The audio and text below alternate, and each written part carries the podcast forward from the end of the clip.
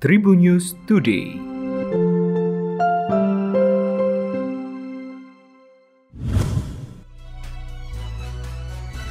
Tribuners, Anda tengah menyimak informasi terkini yang kami rangkum dalam Tribun Podcast. Untuk berita nasional dan berita pertama kami, Presiden Jokowi memimpin rapat terbatas PPKM di kantor Presiden Jakarta pada Senin 4 Juli.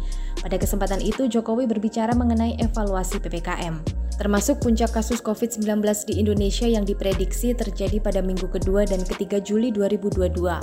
Presiden meminta agar capaian vaksinasi booster terus ditingkatkan. Pada kesempatan itu, Presiden Jokowi meminta agar vaksinasi booster jadi syarat perjalanan menggunakan pesawat terbang. Booster ini akan dipakai sebagai syarat perjalanan dengan alat transportasi lain pula. Selain itu, booster juga akan dipersyaratkan untuk berbagai kegiatan yang melibatkan masyarakat banyak. Secara umum, Presiden Jokowi meminta agar capaian vaksinasi dosis pertama, kedua, dan booster supaya terus ditingkatkan. Kepala negara menambahkan capaian vaksinasi COVID-19 dosis kedua di beberapa daerah di luar Jawa Bali masih di bawah 50 persen, contohnya di Maluku, Papua Barat, dan Papua. Sejak melakukan invasi ke Ukraina pada 24 Februari lalu, Rusia untuk pertama kalinya mengakui mereka kehabisan senjata. Kremlin diketahui membuat rancangan undang-undang federal yang memungkinkan Rusia memperbaiki senjata dan peralatan secara cepat.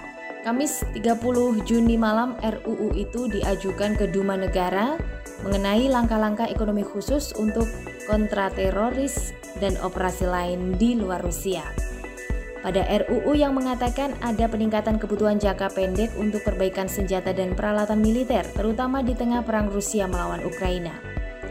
RUU itu mengusulkan pelaksanaan aset material dari cadangan negara dan pengaktifan sementara kapasitas dan fasilitas mobilisasi, serta kerja lembur di organisasi individu.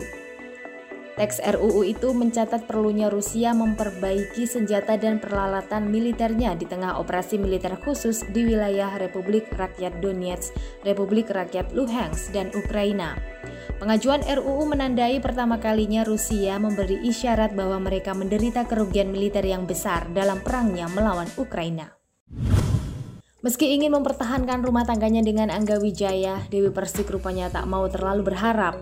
Hal itu tak lepas dari kenyataan bahwa mediasi di antara keduanya berujung jalan buntu. Dewi Persik pasrah kalaupun ke depan hakim memutuskan status pernikahannya dengan Angga berakhir.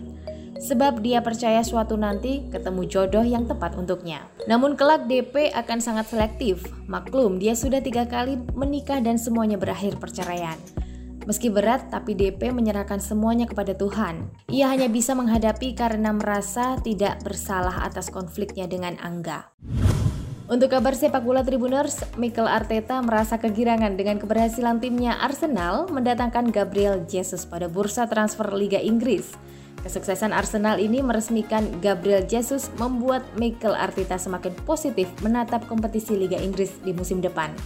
Apalagi Gabjes merupakan tipikal striker yang dibutuhkan Arsenal setelah kepergian Lacazette dan Aubameyang. Biaya Gabriel Jesus mencapai 45 juta pounds. Ex penyerang City itu akan menggunakan nomor punggung 9 di Arsenal. Jesus merupakan salah satu striker terkemuka di Liga Premier dalam beberapa musim terakhir. Dia berhasil mencetak 95 gol dalam 236 penampilan di semua kompetisi selama 5 musim bersama City. Ia juga sukses memenangkan gelar Liga Premier 4 kali, Piala FA dan Piala Liga 3 kali. Demikian informasi dari Tribun News Podcast. Sampai jumpa.